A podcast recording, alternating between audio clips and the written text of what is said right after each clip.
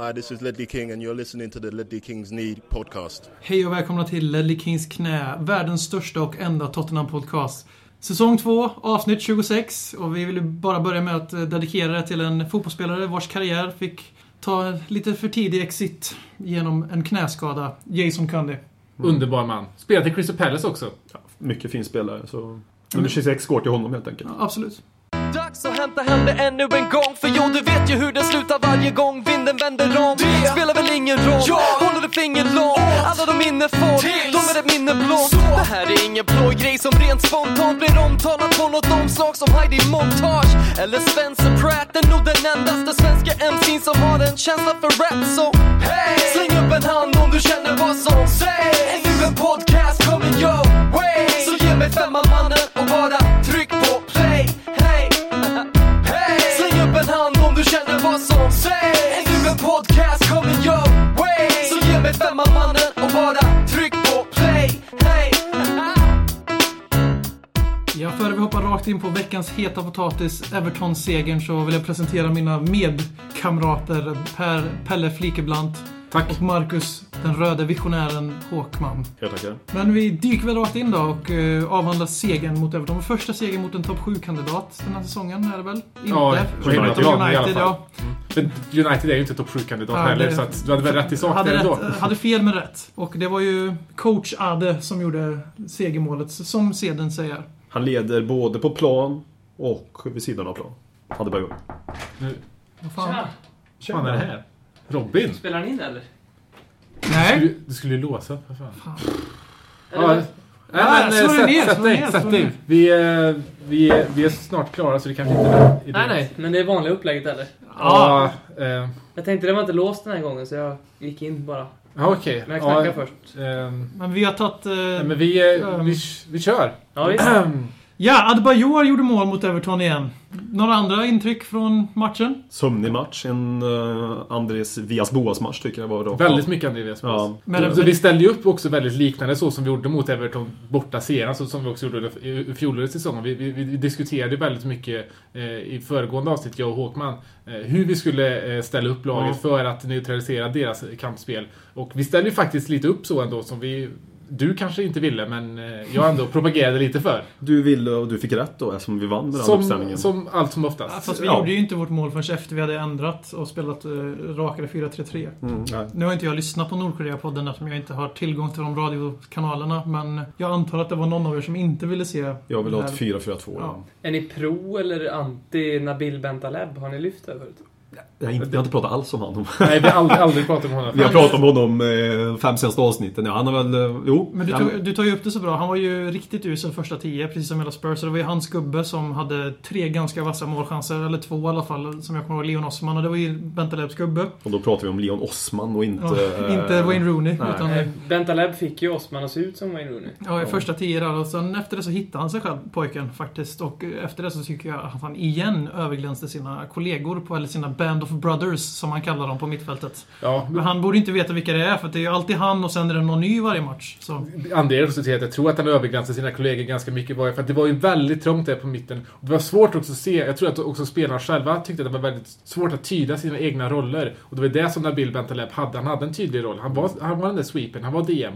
Medan eh, Dembélé och Paulinho var lite mer switchande ny, ny, Mm. nummer 10 liksom. Och det, sen- när Eriksson också går in så hade vi nästan... Det var som att vi hade tre uppe där. I, i Tre 10. tior. Tre tior. Och det gick ju inte så bra. Det var länge sedan vi hade Dembele så långt fram i banan. Nej. Han har varit där, där uppe. Han har, men inte i Nu har inte du sett någon match på, på två månader nu har du varit här. Så det, men, så det har varit, för det är ju två månader sedan. Så. Ja. Jag kommer ihåg någon Europa League-match där, någon diffust bakåt i historien. Han gjorde spelade- mål menar du? Ja, så spelade han långt fram. Men på, det var länge sedan han var där framme, där Ja. Eriksen borde vara, i min... Nej, men han, jag tycker ändå att han har haft den rollen mer och mer, att vi nästan har haft två nummer tio eh, under stundom. Och det är liksom det också som gör att det går stå i vårt spel. Att när Dembélé får det där offensiva ansvaret, för han är ju den som vill kladda lite extra. Han är jättebra på att föra upp bollen, men han är inte bra på att fördela bollen när han är på den sista tredjedelen. Ja, alltså Dembele är ju inte riktigt den här offensiva katalysatorn vi behöver. För att just för att han är väldigt duktig på att driva bollen uppåt. Men sen så händer det inte så mycket exakt som Per är inne på. Och jag kände väl igen Faktiskt, för nu är det väl extra på sin spets eftersom han precis har gått på lån, Lewis Holtby. Men jag satt faktiskt och saknade honom väldigt mycket i den här matchen. För vi behövde någon som vågar slå bollen direkt rakt fram i banan. Oh Holtby, where art thou? Ja, men det största problemet i den här matchen är ju inte bara det att Dembele tar en för offensiv stor roll. Utan det blir ju också att Eriksen ska ta samma roll och Paulinho ska ta samma roll. Precis. Och Adebayor sjun- sjunker ju som anfallare och han ska ta samma roll. Då blir det väldigt många på en liten yta och de är inte så pass spelskickliga de klarar av att köra det snabba passningsspel De är inte emellan. Och sitter- känner inte varandra. Nej, exakt. Och det känns, jag ser, om man liksom redan nu lyfta en farhåga som jag kände sista våren med Redknapp. Det var då när Bale gick in och Modric gick in och van der Waart gick in och Adebayor också var där inne. Att det blev det var det någonstans som jag tycker att vi börjar sjunka den, den våren på grund av det. Sen fanns det andra orsaker också. Jag hoppas att detta inte kommer fortsätta. Att vi kommer ha mer tydliga roller. Även om nu Anders Townsend är en sämre fotbollsspelare än Eriksen. Om vi nu ska köra på det sätt vi gör nu. Att eh, då är det bättre att ha två renodlade yttrar så det blir för, så lite personer i mitt som möjligt. Alltså, det ska vara personer men det ska 4-3-3. vara, det räcker med de vi har där. Det blir för många. 4-3-3 som vi spelade Ja, exakt. sista halv, halvlek. Eller Ja. när eh, Townsend kom in istället för Eriksen så gick vi över till ett ganska so, solklart 4-3-3. Mm, och det, det är så- blev marginellt bättre men det Mm. blev bättre. Även om våra yttrar var synnerligen bleka den här eftermiddagen på White Hart Lane. Oh, ja. Det är en rolig eh, jämförelse med Harris. Eh, när, han, när hans fall, då, om man inom citattecken får kalla det så. Mm. För jag satt och reflekterade över exakt samma sak. Först så... I, det var en så markant förbättring ändå i, till, först, till andra halvlek från första. Och sen när Townsend kom in, eh, ni, det kommer ni säkert ihåg, det första han gjorde var att typ peka så här. vilken sida ska jag vara på? Ja, ska jag vara på den här sidan eller någonting? Och då tänkte jag det direkt sen, och sen efter matchen, Tim Sherwood säger så här. Ja, de lyssnade inte riktigt på mina instruktioner i första halvlek, men eh, sen andra när jag sa pressa mer upp i, i banan, då gjorde de det och då såg det bättre ut. Och det känns det som att det är någon form av Harry Redknapp-symptom som har tagit över hos Sherwood nu, att de inte lyssnar på honom, att de försöker gå in och göra sin, sitt eget game. Liksom. Jag, jag tror nog snarare så att de, alltså, det är inte instruktionerna det är fel på, eller deras receptiva förmåga för att ta in de här instruktionerna. Det är bara helt enkelt att det är för många kockar och det är fel uppställning. Det är en obalanserad uppställning och det är, det är i uppställningen som felet ligger, tror jag. Mm. Det är därför jag inte riktigt förstår det han säger att "Äm, jag, rätt, jag rättar till det i paus och skäller ut dem. Det var inte där problemet låg, utan det var snarare i Sherwoods laguttagning som jag tycker problemet låg. För backar man bandet under hans nio matcher var det då som jag var som mest nöjd med hans spel. Det var i början av hans tid, de första fyra matcherna. Nu har han gjort det fantastiskt bra ändå sett till sex segrar, två och en förlust. Men det var också då när Aaron Lennon funkade som bäst. Eh, Vi hade en ytter som fungerade bra. Det behöver inte nödvändigtvis vara Aaron Lennon som ska funka. Men när vi har en tydlig ytter som fungerar bra. Kan lika med Townsend. Men sen Lennon har sjunkit kvalitet. Har det också offensiva spelet sjunkit kvalitet. Sen kanske inte bara beror på Lennon. Men jag tycker ändå att med hans nedgång har vår offensiv också haft en nedgång. Det blev för grötigt helt enkelt. Det är intressant att se ifall han vågar peta Lennon också. Nu det- när Townsend verkar tillbaka och... Det tror jag ändå, för Lennon har ändå varit så kapitalt dålig de senaste matcherna. Samtidigt som jag har ändå en känsla av att en sån som Lamela faktiskt kommer gå in i laget när han är tillbaka. Jag har ändå den känslan. Men är Lamela den som ska komma in istället för Lennon? Istället för han Alltså, spelartypen. om vi det är det jag spelar- menar. Nej, det beror inte om vi vill ha samma sak som Lennon är bra på. Absolut inte. Nej. För han är en brittisk hit. Mer än så tänker jag inte förklara. Men Lamela är mer en kontinental. Han spelar mer anfallare, alltså högeranfallare, än Mm. höger mittfältare. Men om vi nu ska spela den här 4-3-3 som Sherwood hade i u laget och som han faktiskt spelade i andra halvlek mot Everton här. Så, så är det ju Lamela och Townsend som är de yttrarna med Chadli till och med före Lennon. Om, man nu är det, om det är den typen av winger man vill ha. Så är Lennon sämst lämpad för det. Men om vi ska gå tillbaka till hur man vill ha det snabba, raka, brittiska 4-4-2 på papper och så att åtminstone ha en kant som är en riktig kant. Som kanske är någonting som håller på att dö ut i fotboll och ha riktiga kantspelare som faktiskt är kantspelare. Och jag tycker mig också se det här att när Lennon inte har en bra dag så dör vårt kantspel helt och hållet just för att vi inte har en vänsterkant som vi inte haft sedan ja, 2005 eller någonting. En riktig vänsterkant eftersom Bale gick Han var ut till där- att börja med. Ja, till att börja. Han Mm. började på vänsterkanten ett halvår där, eller lite längre. Och eh, det, så vi får ingen bredd i spelet och då kanske man inte löser det problemet genom att sätta in tre tior på plan när man redan har för dålig bredd. Nej men det, som- det som blir fallet om du tar in Lamela, då har du ju Townsend på den andra sidan och då blir, då blir det liksom så som vi har kört nu på sistone när det har fungerat, bara att det blir spegelvänt.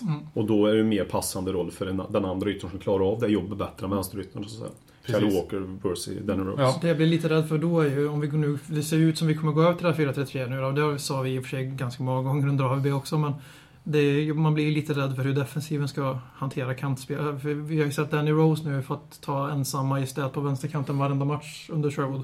Dock ska vi Som ändå lyftas ja, var han ganska bra bättre, han mot Everton. Han gjorde nästan sin bästa match då, skulle Ja. vi säga. Och då- det, den kritiken som vi har riktat mot Ja. honom har ju varit hans, hans inläggsfot. Och den var ju kapitalt mycket bättre än vad eh, han Walkers dito Men när han slår de här låga inläggen så, så funkar det bättre än när han slår ballonginläggen tycker jag. För det, Det är det han ska göra. det är de inläggen han ska fokusera på. För det är de Sen- som blir ja. farliga också. Sen är det också, om vi, om vi tänker gå tillbaka till hur defensiven ska fungera, så grejen när vi körde 4-3-3 med AVB var att vi hade en väldigt hög backlinje. Nu har vi en ganska låg backlinje samtidigt som att eh, vissa delar av mittfältet också sjunker ganska lågt. Så jag tror nog kanske inte att blir vi fortfarande behöver vara jätteoroliga för Kanterna det. blir fortfarande överbemannade. Jag reflekterar över en sak också. Jag, om man jämför Hugo Lloris olika utrustningar under AVB och Sherwood.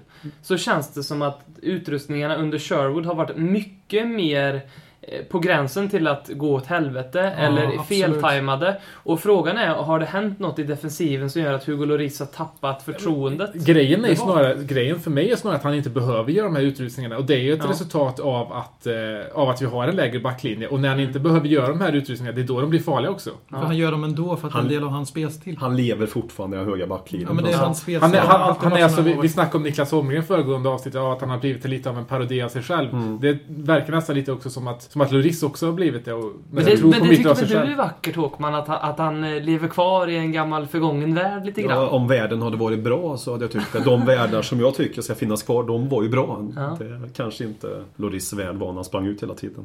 Det funkade visserligen, men... Om vi går tillbaka lite till matchen så eh, fick vi till slut se en, eh, en av våra älsklingar, i alla fall en av mina älsklingar, Etienne Capoue, eh, som går in och gör en klockren brytning i straffområdet på Seamus Coleman, eller? Ja, det är ingen straff. Det är absolut inte straff i alla fall. Det är många som försöker berätta för mig att det minsann var straff. Men jag tycker att om du redan ligger ner före du ens blir träffad, då har du liksom... Det går inte att få straff om du redan är på väg ner. Om du inte är Luis Suarez då. För Han har då- påbörjat fallet som BM säger och sen är det ju väldigt riskabelt spel av Capo. Eh, oavsett, men straff absolut inte. Lite ironiskt med City-matchen i som bitter eftersmak, men jag tycker faktiskt att nivån på domarna i Premier League är jävligt bra. Den där var jag faktiskt imponerad över Ja, att ja. han tog. Ja. Ja, för Ja, det det, det, det såg ut som en straff när man Ja, tittade det är på det. så. Det Ja, och sen så ser man reprisen, då fattar ju 9 av 10 fotbollsintresserade att det inte är en straff. Från den vinkeln också, som det, den andra vinkeln när man från Capoes liksom, man ser om man står bakom Capoe, då ser det ju faktiskt ut som att man tar bollen till och med. Det Ja. gjorde han kanske inte, det är diskutabelt. Jag, Men vi kan säga att han gjorde men det. bak, som sagt, bakifrån då såg det faktiskt ut som att han tar bollen. Och det var ju en av domarna som såg den vinkeln. Det var väl tur för Tottenham då, för de vi- tycker ju om att vifta annars. Vi tog ju så i ansikte och trodde att, ja, ja, straffen 91 Det var ju den spontana känslan. Det kändes som en sån match. Vi var ju försökte göra självmål hela matchen i Spurs. Så det, Ja, speciellt första tio som vi gjorde allt annat och försökte spela fotboll, men... eh, Vi har också varit inne på att när vi har en ny tränare som inte bara är ny för oss utan ny som tränare i Sherwood så kommer han att göra sina första misstag med oss och det var väldigt tydligt i matchen mot Hall, tyckte i alla fall jag. Eh, Men det kändes ändå som att han kanske ändå använde de här misstagen till att just lära sig. För de byten han gjorde, det var ju faktiskt nödvändiga byten och byten som faktiskt på något sätt ändå förändrade matchbilden. Även om vi kanske tyckte det var lite konstigt att sätta in Defoe, men det fanns ju en anledning till varför han gjorde det. men, eh, Jag, jag, jag, försvarar, till- jag, det var första gången jag satt och tänkte så här, ja, bra matchcoachat Tim. Dels med förändringen från första till andra. Och så, jag tycker bytena alla var klockrena. Okej, satte in en, b- tog ut Eriksen, satte in Townsend, eh, slaskade in Defoe. Men hade Everton gjort 1-1 då hade det sett bättre ut med den uppställningen som var lite mer offensiv än att vi hade backat hem defensivt och fått eh, ett mål i baken.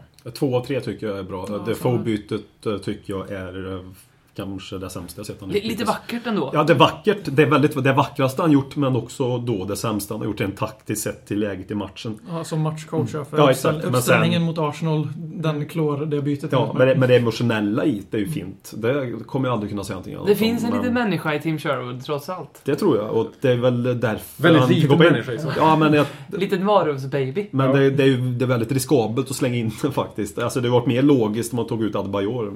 Då har man ändå- ändå behållit... För Benteleb blev ju en högerytter där. Ja, det var det, jag hade väldiga problem med det bytet. För att ett, jag vill inte att Jermaine Defoe ska slå eh, Robbie Keens eh, Premier League målnotering. Men sen två, man byter inte in någon som inte har någon nytta för laget för han ska bli såld. Jag har sagt det här från första gången han gjorde mål också mot Palace var det väl han, att han sen han skrev på för Toronto då ska han inte spela för oss längre för att det är så kortsiktigt. Och visst, om han nu ska in och få sitt ärevarv som jag kan köpa då ska det ske i absolut sista momenten av en match och då ska han byta av någon i sin egen roll. Att tvinga ett lag att gå över igen i formation i match för andra gången. Ta ut en spelare på en högermittfältare som inte är högermittfältare och sen börja spela två anfallare när det är fem minuter kvar av en match och man leder med 1-0 som en dödsviktig match för den här topp 4-drömmen vi har. Det var fruktansvärt naivt och det var väldigt modigt och det var väldigt Spurs. Men hade vi släppt in ett mål där så fan vet vad, hur lång tid skitstormen hade varit. Det Men var det var ju- modigt, det ger jag honom. Det var ju lite roligt. Vi satt ju, jag, Håkman, BM och kollade på den här matchen. Du kom inte... du- Dörren var låst eller någonting för dig tydligen? Ja, Robin. det, det var, var något fel tror jag. Det måste jag varit jag, fel tror jag fick fel portkod, för jag Ja. Mm. slog den jättemånga gånger. Och så din, era telefoner måste varit av. Ja, det var, Ja, mitt, mitt batteri nätet hade. Mitt Ah, batteri hade Ja. Jag bor ja. aldrig i lägenheter som det finns portkod kan jag säga heller. Okej. Nej men det som Ro- eh, eller Jermaine Defoe fick bollen på offensiv planhalva och var ensam med, eh, tror det var Distan eller någon. Och man hör bort från soffan en BN som bara, Nej! Och, det, och detta, var inte, detta var inte läget som man hade i 93 minuten. Nej. Detta var ju typ 89 Ja, men- 90 Jag, jag förstår, för jag hade precis haft en lång harang där om att jag inte ville se en Claude Defoe, eller Keens rekord, eller tan tangering, hans målnotering i Spurs Premier League. Men det var faktiskt, till denna dag, det var för att han tappade bollen. Ja, det långt det tror vi inte. Men det, jag tajmade inte. Du, särskilt du, bra. skrek, du skrek du innan han tappade bollen. Sett i jag som var fem minuter innan. Ja, ja, för i, i, tärningen, eller myntet ska jag säga, har ju två sidor. Min är ju den andra sidan. Jag, jag, det, för mig är ju Defoe större än Keen. Och jag satt ju och skrek ja, ja, och passa inte nu för helvete. Och sen kom jag på det kommer han aldrig göra. Och jag blev jättebesviken när han missade. Men erkänn nu att missen där, han fick, han fick ju faktiskt läget. Erkänn att den missen han gör där är ju Defoe i ett nötskal. Ja. Han borde ha passat Han för borde passa. bästa. Ja, Han sköt. det är ju skönt. Det Det, symboliserar, ju ändå på något sätt. det var riktigt Ja. vackert. Det Ja. riktigt men han, fick, han fick säga hejdå med, med Defoes signatur Ja. eh, move. Mm. Mål, mål, mål. Och det är inget negativt jag. Tycker det är bara vackert.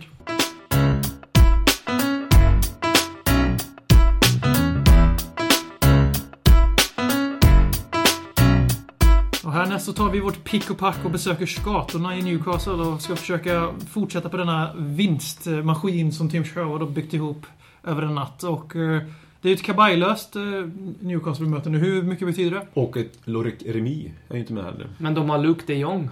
Som inte är något att ha i mitt... Och det jinxar vi. Ja, okej. De har eh, Premier Leagues bästa målvakt om man går efter hans insats mot oss sist. Där han vann ensam med 1-0. Det var men inte det han som var- gjorde målet, nej, men faktiskt. han passade. Nej, det ska bli kul att, att, att möta dem igen. Jag tror också att det finns som sagt revanschlusta i killarna. För det där var en jävla freakmatch alltså. För vi var faktiskt riktigt bra. Ja, vi var matchen. bra. Det är en av våra bättre matcher i år. Jag sett till antal chanser vi skapar så var det, och antal skott och antal bra skott Ja. också. Inte bara att det var några skott skott utifrån för 25 meter som gick i skopan på Tim Krull. Utan jag kommer så väl ihåg den matchen. Det var väl matchminut 79 någonting. Var, Han började Jag- skratta han när började skratta precis. Mm, Han, han, han slog visste, ut med han händerna och började skratta. Det, liksom, det här är ju sinnessjukt. Men han, nu kan man ju se tillbaka på den. Eller nu kan jag i alla fall se tillbaka på den bilden och skratta åt den själv också. För att... eh, Ja. Det var en sån Det- match. ja. Men eh, det tyckte man inte då. Nej, verkligen inte. Men eh, vi gör ju mål den här gången, eller hur? Det tror jag nog vi gör. Vi går ju inte mållösa. Nej, vi gör ju inte det. Vi har ju Adebayor. Ja, coach, tränare, spelare. Spelande tränare, med, ägare, Ja. Livis bästa vän.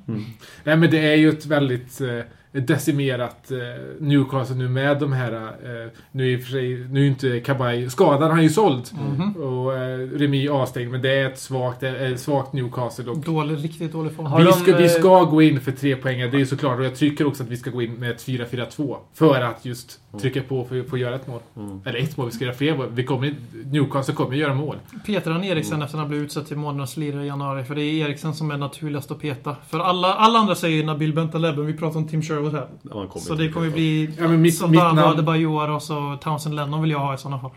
Ja, mitt namn är ju Bentaleb.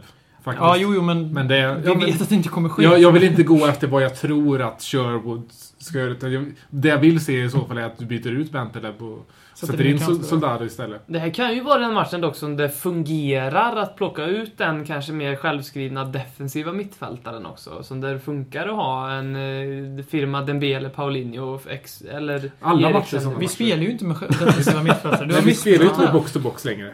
Nej, jag, jag vet inte vad Eller vi spelar med, men alltså jag menar det, för Bentalebs uppgift är väl i alla fall i första hand att vara någon form av ankare på mittfältet. Han Jo, men det gör vi- två spelares jobb. Har du inte, har du inte hängt med? Ja, Robin har inte varit med på två månader. Han Han, han, eh, han uttryckligen gör ju två Spelar vi fortfarande i vitt eller? Mm. Nej. Ja, snart spelar vi Rosa. rött också. Men jag, jag tror ändå inte att vi kommer ha tre stycken innermittfältare. Jag, jag tror inte det. Ja, än så länge har han lärt sig. Alltså, Från match till match, nästan i alla fall. Och jag tror och hoppas att vi får se riktiga yttrar. Eftersom jag tror att Townsend är någon spelare han håller väldigt, väldigt högt. alltså jag hoppas att eh, Capo kommer få spela. Och jag hoppas... Eller jag, jag kan se Benteleb också får spela på start. Men jag tycker Dembele ska bli petad. Just för... ehm, Sitt kladdande. Ja, precis. Tydligheten också i eh, mittfältet. sta- med- Statistiskt var han matchens lirare. Jo, men det är mycket möjligt att han var. Men just för att jag tycker inte Dembele kanske ska peta sig till hur han, hur han är som fotbollsspelare rent kvalitetsmässigt. Men för att laget ska funka så bra som möjligt. För jag tror nämligen... Jag både väger in vad jag, vad jag vill och vad jag tror. Jag tror att Eriksen kommer få spela. Och då funkar det inte att ha som senast. För Men jag, jag- tror vi kör 4-2-3-1. Det blir för mycket kladderi. där. Jag, jag håller med dig absolut om det är så att vi skulle köra med, med 4-2-3 där det blir tre stycken innermittfältare. Men om vi kör 4-4-2 då är ju Paulinho och Dembélé Ja, ja. mycket bättre. För då, då blir också eh, ty, rollerna mycket tydligare. Och jag menar, då, det var väl mot Stoke de spelade tillsammans? Kör vi va? 4-4-2 eh, så är det liksom det enda alternativet som jag ser just nu. Ja, och köra ja, Paulinho och en Dembele centralt och köra en Eriksen som inverted och eh, en Lennon. Ja, eller nu Eriksen inverted från höger och Townsend på vänster. Men eh, Men jag, jag har ju börjat, nu, nu har jag börjat ställa mig själv frågan, vad har Paulinho att ge till laget? På riktigt alltså? Men Alltså- det, det visade han ju inte- minst mot Stoke. När han, Ja. var, liksom, han var verkligen den spelare som, som vi såg i för-VM. Ja. alltså jag har fått förnyat eh, hopp på Paulinho. Löpstark, målfarlig-ish. Alltså han är på rätt ställe. Han är inte sådär bra på att avsluta. Men Han är ju Didier, han är ju Didier Sokora dålig på avslut. Eh, Nej, det är det, det det är det gjorde- längre. Sokora gjorde aldrig mål. Nej, det, det är sant. Men långskott i alla fall då. Långskott. Om, om du såg det målet mot Hall så Ja. förstår jag inte hur du kan jämföra med Didier Det Sokora. målet blir ju bara sämre och sämre varje gång jag ser det dock. För den Ja. ska målvakten rädda 10 av 10 gånger. Alltså. Det, Fantastiskt det, mål. det, det är nedtagningar som är det bra. Ja, Ja, den är bra. Men jag det vet jag vi att han har. från Paulinho utan jag tycker att Men det, målvakten borde Men man kan inte bara säga om han har bra teknik. Nej, jag tycker inte han har bra teknik. Det är det, Det jag inte, jag han har. Alltså det är det jag inte tycker han har. För jag tycker han brister mycket i mottagningsspelet. Eh, I de korta passningssekvenserna, så, alltså tiki-taka-passen så att säga. I triangelspel, då tycker jag han brister väldigt mycket. Eh, Han var ju, han var ju AVBs Bentaleb. Fick spela oavsett, Mm. alltid. Mm. Och eh, nu, jag tycker väl att de påminner lite om varandra. De är bra på det mesta, men har de någonting som sticker ut så... Jo, Paulinho är ganska vass i boxen på att komma dit i läget och missa läget. Men han gör så att han syns i alla fall. Men sen är inte han den av de två innermittfältarna som vi spelar med om, om han spelar med Dembélé som ska ta avsluten här. För Dembélé är ju en bra avslutare utifrån straffområdet Ja. också. Så att, När han eh, väl skjuter. De två Nej, gånger väl per år han skjuter. Jo, men han, han är ju ingen Townsend som skjuter på allt liksom. Dembélé värderar ändå situationen. Det är motpolerna det kanske. Ja. Dembele borde skjuta oftare och Townsend borde skjuta betydligt mycket mindre. Ja. Alltså, Sen, sen ska vi inte dra för så supermånga växlar tycker jag på senaste matchen Everton när Dembele eh, kladdade too much. För det är ändå ett lag som det var deras fjärde förlust på hela säsongen. Ja, så det är ett väldigt bra samlat försvar. Och Newcastle, det kanske skulle se annorlunda ut. Det här kanske New, eh, Dembele hittar hur mycket läge som helst. Ja, absolut. Det är Absolut. klart man alltid ska väga in vilket motstånd man har mött och man får visa stor respekt inför Everton. Och att det är ju liksom, det är väldigt två jämna lag och det är väldigt sällan när två jämna lag spelar att ena laget är tokdominans. Utan det är ju oftast en Det är bara när sten, sax, Liverpool är påse inblandade. sig. Ja, Men precis. det, det, bara för att ett lag är bättre så ska man ju inte kladda mer på bollen i sista Nej, nej. tredjedelen. Ja, men det är kanske- det kanske- mer fog Han hade för inga val. Ja, ja, jag håller med. Jo, ja, men nej, men alltså anledningen till att det inte fanns några val var att det fanns för många val snarare. Mm. För att vi, det var för i- många Det var kockar. för mycket kvadrat. Och den, den eh, för många Men, eh, kockar vill vi inte ha imorgon. Imorgon onsdag. Idag vi för er som in. lyssnar förhoppningsvis. Ja. Men eh, tyvärr så tror jag väl att det blir väl ingen rotation. Har vi, rota- har vi roterat någonting? Jag tror, Ja. vi, jag tror vi kommer att rotera några positioner just för att vi spelade matchen på lördag. Inte för att de rent fysiskt inte ska klara av att spela två matcher på tre dagars vila. Men det är väl en position kanske. Välj en spelare då som ni vill ha in i startelvan. Ni behöver inte säga varför, eller- för vi har redan pratat mycket om det. Men en spelare som måste få spela mot Newcastle för vi ska ha störst chans att vinna. jag Jag tror ha, vi behöver två anfallare faktiskt. ja, jag vill också ha det. Så då säger jag Soldado i sådana fall. Istället för vem då? Uh, Bentaleb då blir det. Jag säger Harry Kane. Och jag ska vara lite seriös då. Så jag säger Andrews Townsend. Det är också en väldigt viktig match. Eh, Everton var ju viktig på så många plan. Det var ju verkligen det som var striden om fjärdeplats. Hade vi förlorat det hade vi varit borta. Newcastle, Newcastle är väldigt viktigt nu. För att vi går snart in i en väldigt tuff period. Visserligen har vi efter det Dnipro, Norwich, Dnipro igen. Men sen kommer Men- mars månad. Sen kommer mars månad och mars månad är ingen jätterolig månad. Eller det kan bli en jätterolig månad. Vi, har, vi börjar ju mot eh, Cardiff. Och det kanske inte skrämmer svar på så många, men man vet ju aldrig vad Ole Gunnar kommer med. Men sen har vi Chelsea, Arsenal, Southampton och Liverpool. Och då känns det som att det är nu vi behöver ta de här poängen också. Chelsea, Liverpool är borta också. Jag, Utifrån. jag, Ja. Det, är, det jag, är det bara jag som får vibbar från den här våren när vi gick till Champions League, när vi slog Arsenal och Chelsea samma vecka? Med, när Bale slog Så lite- igenom. nu ska Så vi inte Det är den men- våren jag vill ha igen. Så Ja, men- ställ Gomes i mål säger vi nu. Ja, Fast gärna. men eh, det som Per är inne på, det kan vara Newcastle och Norwich kan vara de viktigaste och även Cardiff. Så alltså blir de tre följande är nog nästan viktigare än de här stora tungviktsmatcherna. För om inte vi tar sju eller nio poäng Mm så är, då har jag fruktansvärt svårt att se att vi ens ska vara med i racet när vi kommer till Mm. Ja, de här stora För sen matcherna. kommer vi ihåg oss efter de här stora matcherna så har vi sex matcher som är extremt winnable, om man säger så. Och det lä- lärde vi oss ju under Herr Redknapp hur bra, hur bra det är för Tottenham när vi har extremely winnable så- final run in. Så är, så är det väl också för alla. Inget lag, alltså väldigt få lag, vinner sex raka matcher oavsett hur lätt de är på papper. Så det kan vi inte Men- kalkylera med. Men det är ju som du säger, de är ju... Det är en enklare avslutning än vi har den tiden som kommer närmast. så vi, jag tror vi behöver sju eller nio poäng. Helst nio givetvis, men det är ganska, ganska ambitiöst. Sju poäng kan jag väl sträcka mig till, för vi har ju sett än så länge den här säsongen att de här nedranspatrasken som ligger före oss i tabellen, de vägrar ju att hamna i svackor och tappa poäng i rad. Nu har ju City en svacka och det är för att de har tagit en poäng på två matcher och det är ju en jävla svacka för Citys mått mätt. Framförallt att de inte har gjort några mål, men det spelar ju ingen roll för oss, utan det är ju Liverpool som måste fallera för oss. Sen är det också så att om vi kollar över oss i tabellen också under den här månaden så, månaden så finns det ju faktiskt eh, potential till svackor för de lagen. Inte minst för Arsenal som vi faktiskt möter på hemmaplan. Då de har under den här eh, tiden, de har först München, eller Bayern alltså, Bayern München, Tottenham, sen Chelsea, sen City. Det är ju, det är ju fyra matcher som de- inte är lika extremt winnable som våra sex De sista. avslutar ju också februari med, även om det inte är så mycket ligadueller, så är det United i ligan och sen så är det ju första mötet med München blir och sen Liverpool i cupen. Så de har ju inga matcher de kan vila spelare. Nu har de inte så bred trupp enligt mig. Jag tror de kommer vila mot oss. På riktigt alltså. Så som det låter. Ja, alltså om man, om, man det. Om kollar det match, match. om man kollar matcherna runt så är det ju kanske den matchen de ska vila, men då, Arsenal vill aldrig spela mot oss. Det beror ju på... Har varit med i North London Derby för länge Ja. för att göra det. Och Det, det här beror, blir mitt första North London Derby-plats förresten. Varför fick jag sagt det också? ja, det är fint. Grattis. Billig biljett. Ja, inte så jättebilligt. men det får vara värt det. Det tycker jag absolut att det ska vara. Då har vi en korrespondent på plats. Jag fixar det. Underbart. Men sen tror jag beror lite grann på hur eh, första matchen går i Champions League också. Mm. Åker de på riktigt mycket pisk. Hoppas de fortfarande lever. Ja, exakt. Då kan det vara det. Så det hoppas vi ju alla här för att då omgång två betyder någonting och det kan ju påverka laguttagningen i matchen mot Var, var oss. det inte efter Bayern nu kan, nu kan jag vara helt ute och cykla här nu. Men var det inte efter en Jo, bayern match vi mötte dem förra säsongen?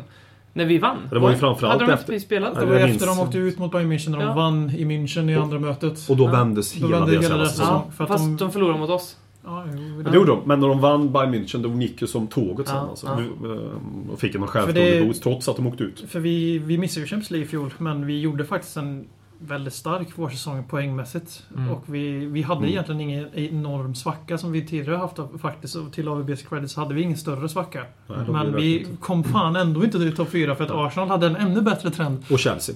Och Som Chelsea. också var med så där. Absolut. Och det, vi hoppas väl att det inte blir historien upplevelse den här gången. För något av de här jävla lagen framför oss måste ju krackelera och dra åt helvete så att vi kan ta den här platsen.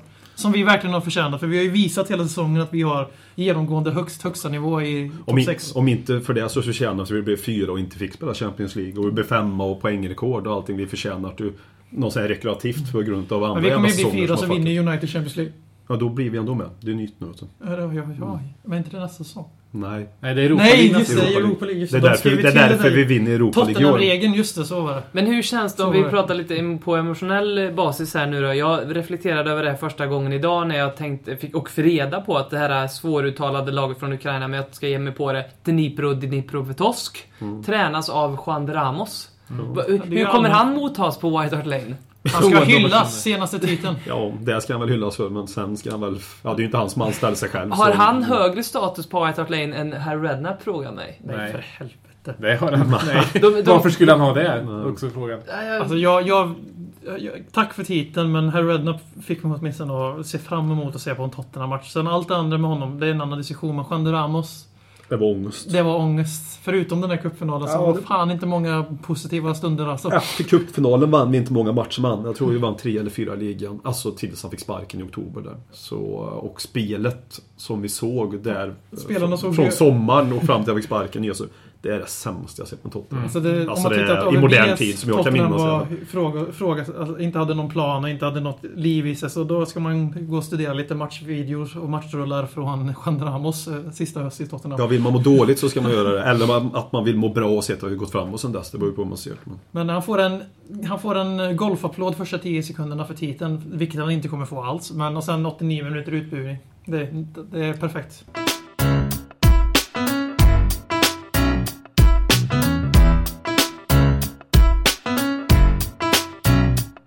Ja, de goda holländarna har ju varit ute i media nu båda två igen för van Gaals skull och första gången då som de bor har gått ut och sagt att nu är det så här att jag är jättesugen på att träna Tottenham. Way! Och de frågar mig i januari och december då var snarare om de ville komma och träna men jag vill inte gå mitt i säsongen men jag är öppen för gigget i sommar, Livi. För det var väl vad båda herrarna sa eller?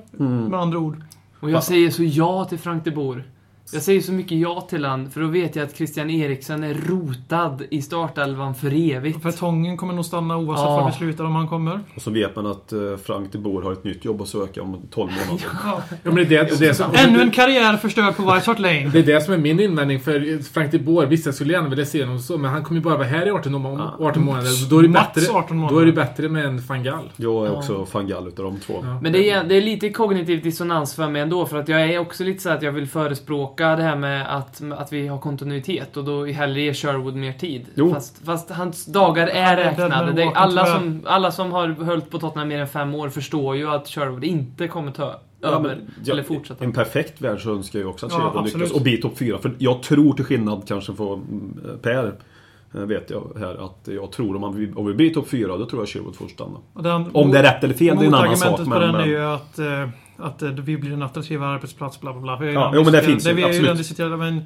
jag tror också att han får gå oavsett. Mm. Fast jag tror ju inte att vi kommer komma topp fyra. Så för mig är det... Jag har ju redan accepterat att han kommer bara vara här till maj, juni. Jag tycker att Lewis Holpys val att gå till Fulham när det uppenbarligen fanns andra Premier League-klubbar intresserade tyder väldigt kraftigt på det. Att han ville hålla sig... För han visste att han skulle komma tillbaka om Sherwood inte är kvar.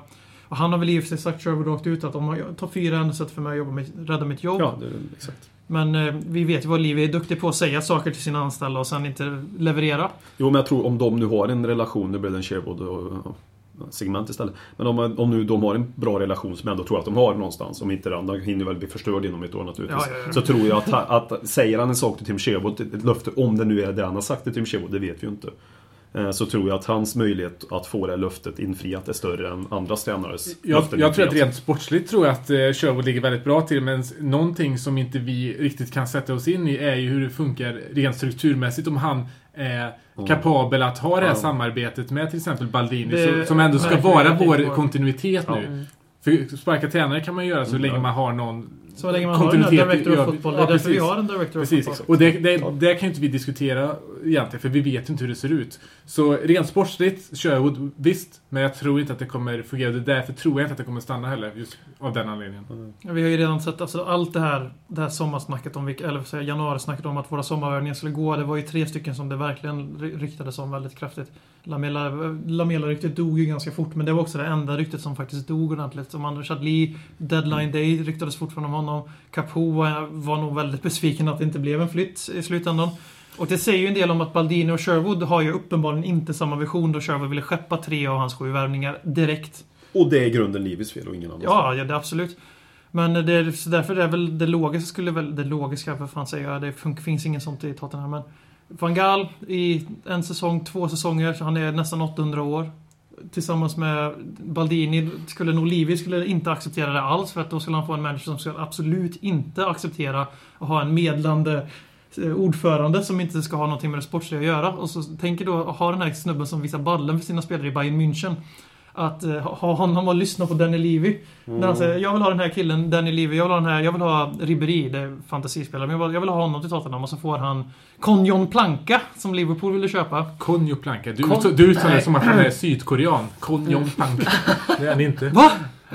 Men, men det är ju intressant också, det kommer ju skit sig oavsett. Jag menar, jag, reflektera på att Harry Redknapp och Andreas Boas, båda två skar sig med mannen, myten Daniel Levy och båda två är på olika ändar av personlighetstyper. Mm, det finns ja. ingen som kan gifta sig med Levy. Jag tror inte hans, hans son kommer att synas uppe på White Hart Lane-läktare om tre veckor, för han har förbrukat honom också. Jag tror det. Mm, ja. Alltså så länge man Han har ju säger... också bränt alla broar med alla stora spelare som flyttar också. Det är ju ingen som säger, förutom Bale som sa att han vill komma tillbaka någon dag kanske, men det är ju bara I ett pressmeddelande. Ja. Skrivet, skrivet, skrivet av någon informations... Inte av Gareth Bale himself. Jag tror inte han är så bra på att skriva nämligen. Så han är rätt bra på att bränna bro- broar, Levy. Det. Men jag, jag tror att det, är det någon som Livi helst vill ha så tror jag, och kanske är det bästa egentligen för helheten av Tottenham-projektet för att det, här ska funka med Baldini och allting där, då är det ju Frank de Boer. För att någonstans Åh, jag tror jag att, honom. någonstans, jag vill hellre ha van Gaal, men ändå någonstans tror jag att om Frank de Boer kommer så har han lättare att underordna sig Baldini. Det Kommer från också. en mindre klubb än vad AVB gjorde. Ja. Ja men exakt, och är lite yngre och van Gaal är ju, han vet vi mer om han kommer ju inte Ja, underordna sig någon. två. Ja, det är det jag Nej, menar, precis.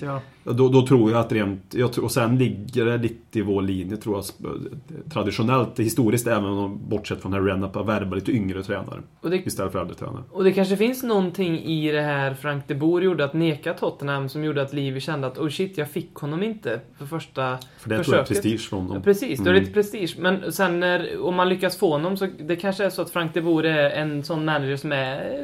eh, Nu har vi hyllat van Gaal för att han vågar visa ballen för Bayern München-spelarna, men Frank de Boer kanske också har den där staken som kan vara bra för Levy, fast han är en liten yngre version, en liten light AVB på ett sätt. Har en bra, ett bra track record. Nej, men jag tror faktiskt att det, det som var grejen med AVB var ju kanske just hans Asperger-drag lite och det tror jag faktiskt inte att De Boer har. Eh, så Jag tror- jag, jag, jag tror ändå att De Boer på något sätt kanske är någon slags eh, förbättrad och lättsammare AVB. Och det är ju faktiskt lite, med det materialet vi har så är det faktiskt det vi behöver ändå.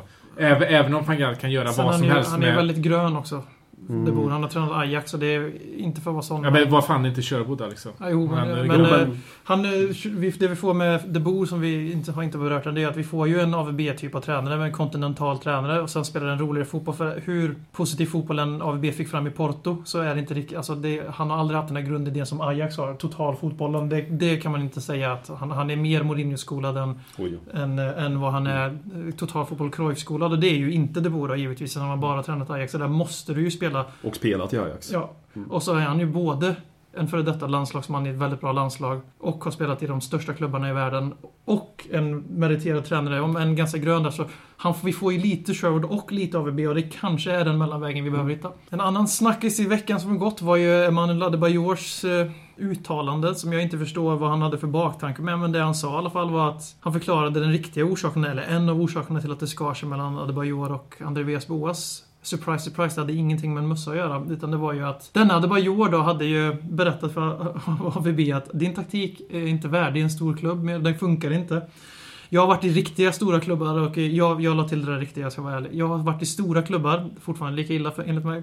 Och så där fungerar inte det liksom. Och när han inte fick gehör av sin manager och sin chef helt enkelt så gick han in för hela Hela omklädningsrummet, alla en sexåring på förskolan för att få uppmärksamhet och sa exakt samma sak en gång till. Ja, det var vad som hände och jag kan väl bara säga det att eh, Adebayor visar upp ett, ännu ett stråk av den här härliga Jekyll och Mr Hyde-karaktären han är. Det som oroar mig av citatet, jag skrev det till dig på Twitter Håkman, Mm. det är ju att man brukar säga att vinnarna får skriva historien. Eh, och när vinnaren då, för man ändå får kalla Adebayor i Ja, det här fallet, det är han han, i är, det här han, är, fallet. Han ja, ju. skriver en historia som fortfarande svartmålar honom och det grövsta. Man kan ju tänka sig att det här var nog en, en light-version av vad som egentligen hände. Ja. Då, då blir jag ju riktigt oroad. Det- Det är exakt så jag tänker också, för det här är nog någonting som är... Om det, var- om det var 10 case mellan han och AVB så är det här det som... Ett annat Ja, som har ryktats om är att han har sagt till inför hela gruppen att Michael Dawson inte är den bästa mittbacken som AVB då ska ha hävdat att hans lagkapten är hans viktigaste mittback och då ska Adebayor ha sagt emot. Och jag håller med i sak men... Eh, Nej, men man, det är ju sättet hur man gör det på också. Han har ju ingen spelkänsla. Om man nu tror pedagogen Adebayor att man ska kritisera en tränare inför en hel grupp och under, underminera då Adebayor, eller eh, AVB. Och sen tro att... Få- då trodde han, han måste ju gått in med rätt och trott att han skulle få spelgruppen med sig. Och ställa hela, sk- spelar, hela spelartruppen mot AVB. Annars hade han ju aldrig jag det. älskar när du kan dra insikter från ditt fritidspedagogs... Eh, Ja, det är väl därför jag tänker så. ja, Ja, men jag vet inte vad Adebayor hade för baktanke när han, när, när han gav de här citaten. Eh, förmodligen var att han försökte nå, på något sätt bättra på sin image som han har försökt göra under en längre tid just nu. Men Alltså- i, i, i, ur min synvinkel så det här, jag trodde redan innan att, att AVB gjorde rätt. Nu är jag helt övertygad om att AVB gjorde helt rätt i den här, i den här sakfrågan med att eh, isolera Adebayor från truppen. Och de som sitter nu och säger att "Va, vad bra Sherwood är och AVB var dum huvud som inte gjorde det. De kan ju bara dra kalsongerna över huvudet För och vill, skämmas. vill ni ha den här killen, den här mentalt instabila killen som har varit med om fruktansvärt mycket. Jag har försvarat honom hur mycket som helst. Men vill man ha den här killen som den killen, alltså vill man, han är årets Gareth Bale, så enkelt är det. Han räddar oss gång på gång på gång nu. Han är den som bär laget. Och den här killen vill inte jag ha som en ledarfigur i Tottenham. Jag har varit för att han ska få spela förra säsongen, för jag tyckte han gjorde ett bra jobb för Bales skull. Och jag var, jag, före man visste någonting så tyckte jag väl att vi kanske skulle försöka få in honom i Follan i år igen för att han är väldigt duktig på fotboll. När han vill vara duktig på fotboll. Den här killen bygger man ingen lag runt. Och det här är så, kort, det här är så kortsiktigt för det vi, är, vi är en bini ifrån att det kommer skära sig mellan honom och Sherwood också. Och då, då vill jag inte vara i Sherwoods fötter när vi helt, i hans skor när vi helt plötsligt ska hitta ett helt nytt offensivt system. För att Adebayor bestämmer att han är att han är över det här. Han är större än klubben. Men om, nu man, jag tycker ingen får skugga sig fall över Sherwood att han spelar eh, Nej. Adebayor utan det är väl någonting han gör bra med Adebayor även om jag tycker att troligtvis om man ska få Adebayor att må bra så fjäskar han troligtvis för honom. Men han, han lyckas ju ändå få ut maximalt av Adebayor. Men Det, det, det jag snarare irriterar mig på är ju de som ändå kritiserar AVB för att inte spela honom. För jag Ja. tycker ändå att båda sidorna Ja, av ja. myntet Men det är när man har facit. Ja, det är ja, det måste jag säga också att AVB gjorde ju helt rätt det här.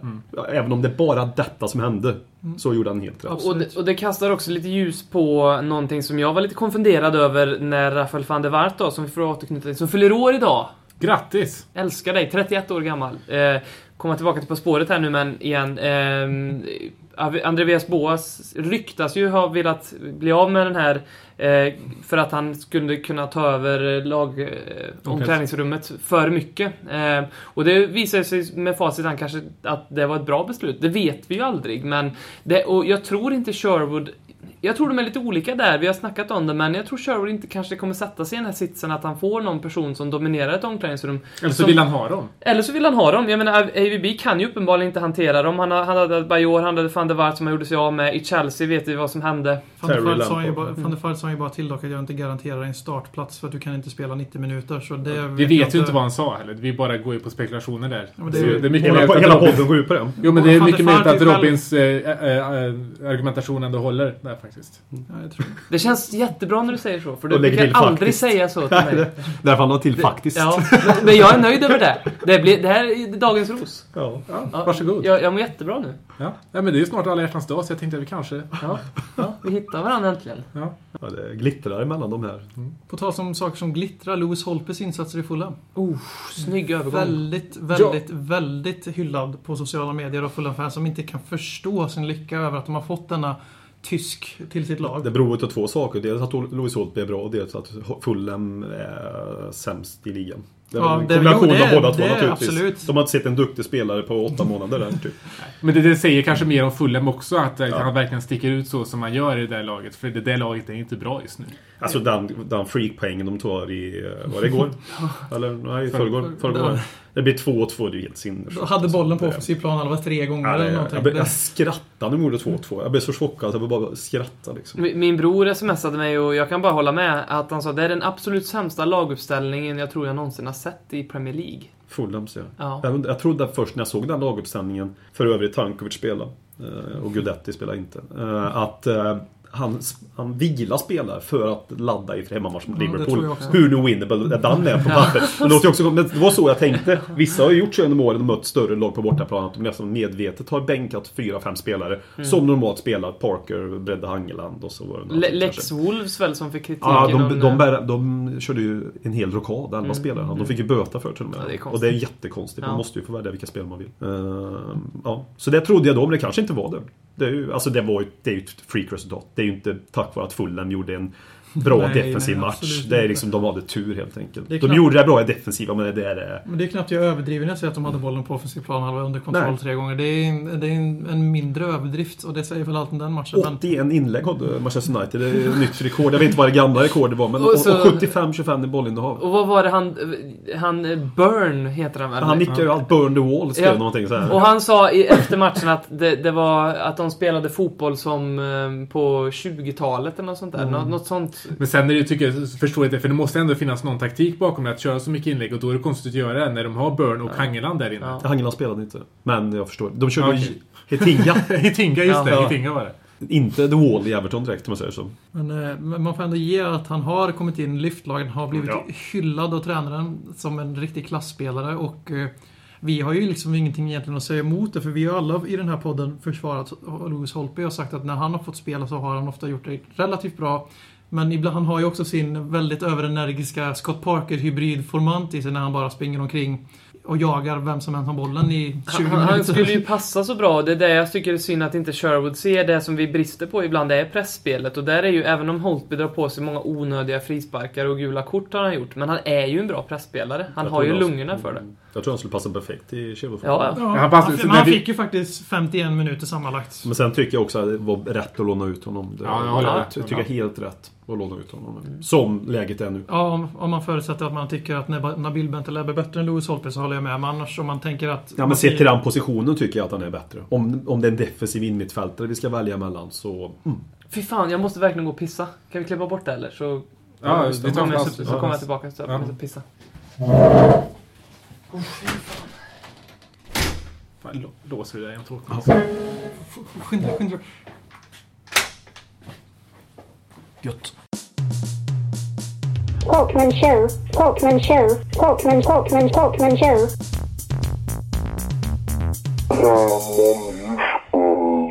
Yes, efter en vecka i Ide så är jag tillbaka och ska prata om statyer och eh, våra vidriga grannar som slänger upp statyer. Ja, var och varannan dag.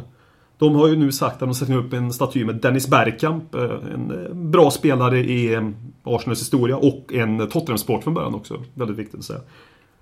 Innan det hade de ju Hubert Chapman, en tränare, Tony Adams och Henri. Henri till exempel, när han blev staty för en 4-5 år sedan, då var ju han fortfarande aktiv som fotbollsspelare och rent hypotetiskt skulle kunna komma tillbaka och göra mål mot dem. Och det känns som de liksom... Hubert Chapman var ju en tränare i 20-30-talet som gjorde det bra och sen från 20-30-talet fram till 90-tal Början på 80-talet, om de tar den spela Har inte hänt någonting. Och de släpper upp massa statyer som är liksom moderna statyer för att liksom flirta lite grann med publiken som finns där, där och nu. De har glömt bort sin historia. Troligtvis för att de inte har någon historia. De små svinen helt enkelt. Och eh, fyra statyer känns ja, överjävligt mycket. Vi gör en, det räcker. Tack. Talkman show, Talkman show, Talkman, Talkman, Talkman show.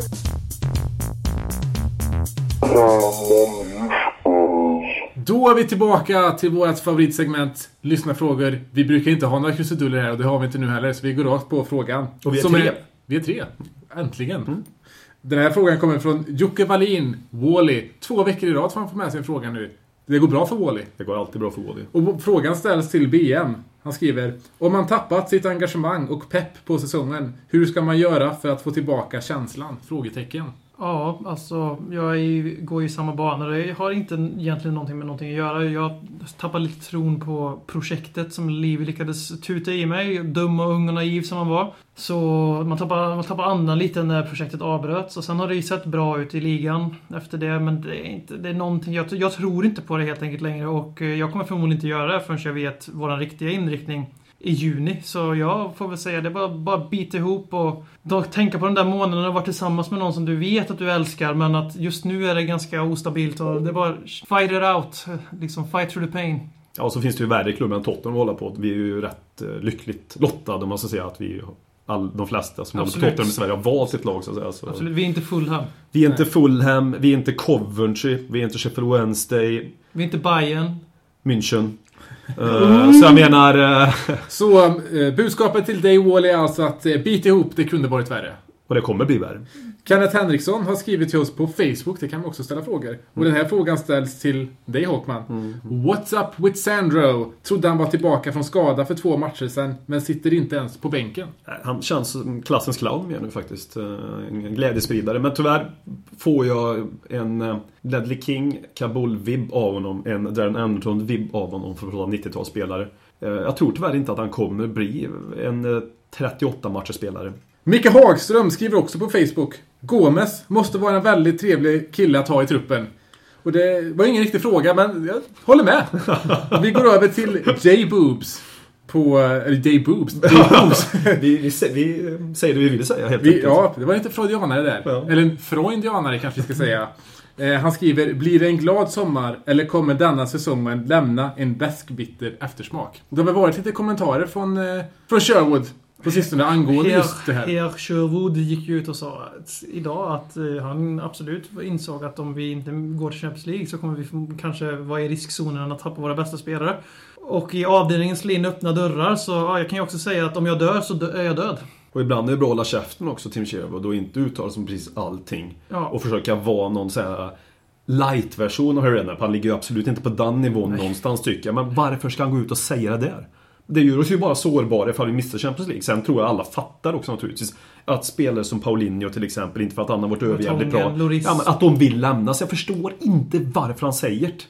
Men För det, det är som du säger, alltså det, det är ju en öppning för större klubbar så att säga. Ja, det- när han erkänner det på förhand. Alltså han ska ju gå han- det är AVB, AVB många sv- svagheter, men han gick hela jävla sommaren och sa vi ska inte sälja Gareth. Bale.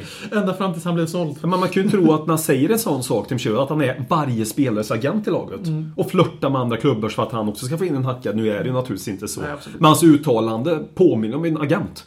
Får inte min spelare spela Champions League, då finns det risk för att han, får lämna, att han vill lämna Tottenham. Ja, ja. Och det är vår tränare som säger en sån sak. Så det är ju det är ju helt ologiskt. Det är inte Raiola som säger så, om Capo. Och jag tror, för att svara på frågan, att vi kommer absolut få en väldigt jobbig sommar. Om inte, alltså det beror lite på, alltså det blir en lång diskussion. men Missar vi Champions League, då ligger Loris och Vertongen. De ligger i farozonen. Vi har ju Barcelona behöver en ny målvakt. Vi har Monaco som gärna vill ha den franska landslagskaptenen. Och det hade varit ett intresse för. Det var Vertongen som kanske inte kopplas ihop med så mycket klubbar, men definitivt är någon som Håkman verkligen propagerar för. Skulle passa perfekt i Barcelona med hans no lätt nonchalanta insatser ibland. Och det håller jag med om.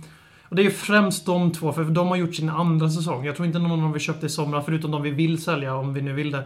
De ligger nog inte i farzonen, men de som gör sitt andra år, som är våra stora, eh, stora, stora namn, de ligger ju pyrt till om vi missar. Och sen är det väldigt avgörande vem vi har som tränare första juli. Har vi fått in Louis van Gaal till exempel, då tror jag inte det är så många som tillåts, eller som faktiskt vill lämna Spurs med det. För det är ett namn som klingar betydligt högre än AVB, som ändå var hyfsat eh, stort namn för han tog över oss. Hyfsat i alla fall, får man säga. Ja. Det är en helt annan nivå än tränare vi haft under min levnadstid som jag, som jag, som jag faktiskt är medveten om. Eh, Frank de Boer har väl inte riktigt samma star power men just att han är en vinnare, han har långsiktsterm och det kan bli den här grejen att vi vägrar sälja spelare för att vi ska vara långsiktiga.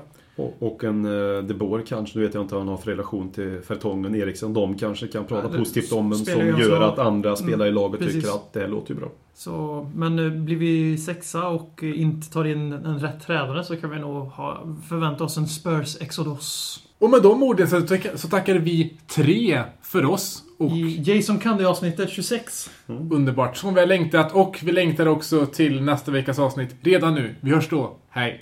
Dags att hämta hem det ännu en gång För jo, du vet ju hur det slutar varje gång vinden vänder om. Det spelar väl ingen roll, håller du finger långt Alla de minne får, de är ett minne blått Det här är ingen blå grej som rent spontant blir omtalad på något omslag som Heidi Montage. Eller Spencer Pratt, är nog den endaste svenska MC'n som har en känsla för rap. Så hey! släng upp en hand om du känner vad som sägs. Är nu en podcast coming your way. Så ge mig femman mannen